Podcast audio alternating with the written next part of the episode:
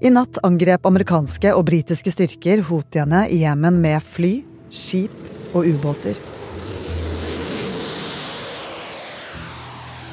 Og vitner har fortalt om flere eksplosjoner i Jemens hovedstad. Det har skapt mye uro.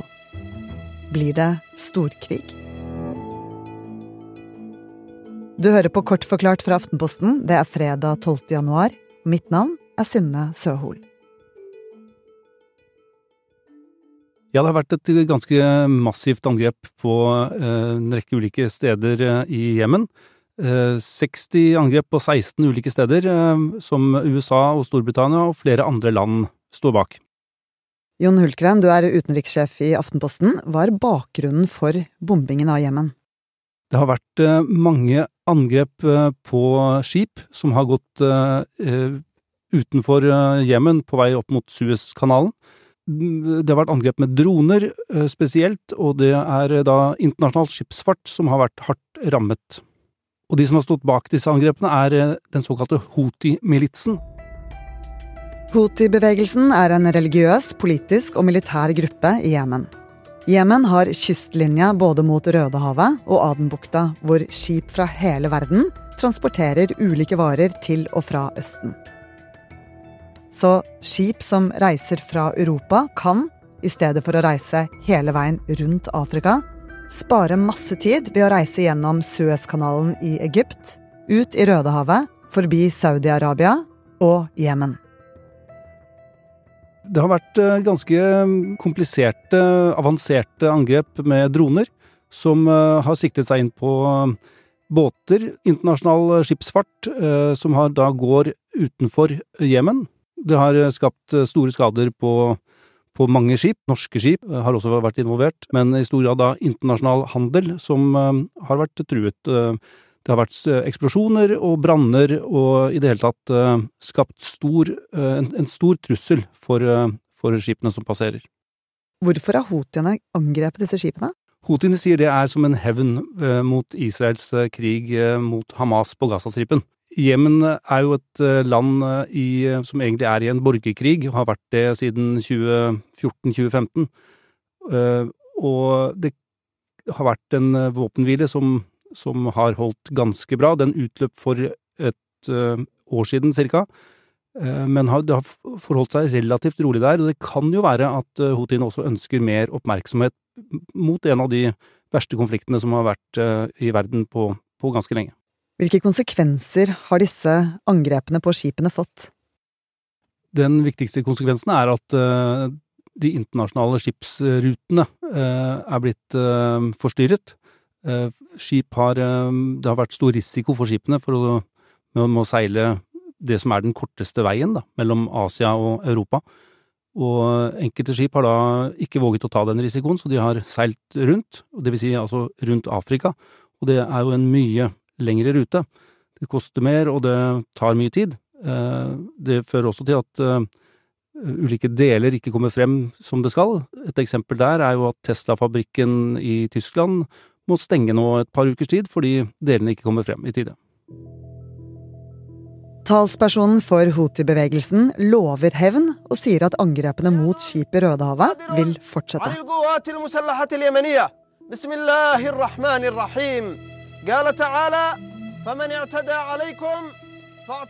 Til NRK sier de at de advarer Norge mot å blande seg inn i konflikten.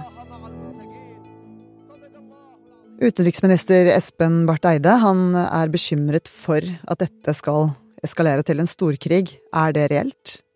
Ja, det er jo alltid eh, bekymringsfullt når en, eh, en så uh, potent uh, konflikt som nå pågår i Midtøsten, sprer seg til land i nærheten. Det har jo egentlig vært frykten hele tiden, at det skal spre seg uh, utover i regionen. Da har man kanskje mest tenkt på Libanon som farligste, men dette viser jo også at krigen kan spre seg utover. Det spørs jo også nå hva, hva som blir svaret, hva, hvordan konflikten fortsetter og hva Houthiene gjør videre. Og bak her ligger også eh, den frykten som ligger i at Iran har eh, bygget opp en rekke proxier, en rekke eh, militære grupper i regionen, og houthiene er en av dem.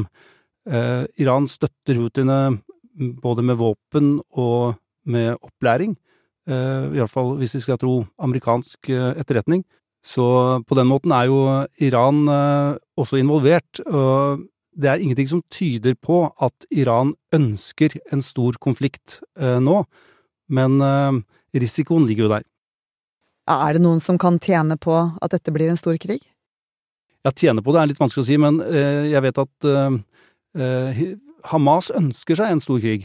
Det var antagelig bakgrunnen da de, da de angrep Israel 7. oktober. De ønsker at de ulike iranske militsene i området sånn som Hizbollah i, i Libanon, og sikkert også Houthiene i Jemen, pluss uh, ulike iranskstøttede militser i, i, Irak og Syria, skal på en måte angripe nå, da. Hva er det som ikke tyder på at konflikten i Midtøsten blir større nå, da? Det viktigste der er kanskje at uh, det ikke virker som om noen egentlig har uh, noe ønske om en stor konflikt. Uh, ingen av aktørene ser ut til å ha det, og hvis Det kan kanskje tenkes at hvis, dette, hvis noen av partene hadde det, så ville det spredt seg tidligere. Uh, dette har jo nå pågått i tre måneder, krigen på Gazastripen, og det kan også være kanskje et uh, litt godt tegn hvis vi ser på hva, hva som ble bombet i Jemen. Det var ikke militære instruktører, eh, iranske militære instruktører. Det var helt andre mål. Det var eh, radaranlegg og ammunisjonslagre og den typen mål. Eh, ikke mål som kanskje kunne provosert enda mer. På den måten kan det ses som et, eh, et slags forsvarsangrep, hvor man prøver å hindre Putin i å fortsette sine angrep.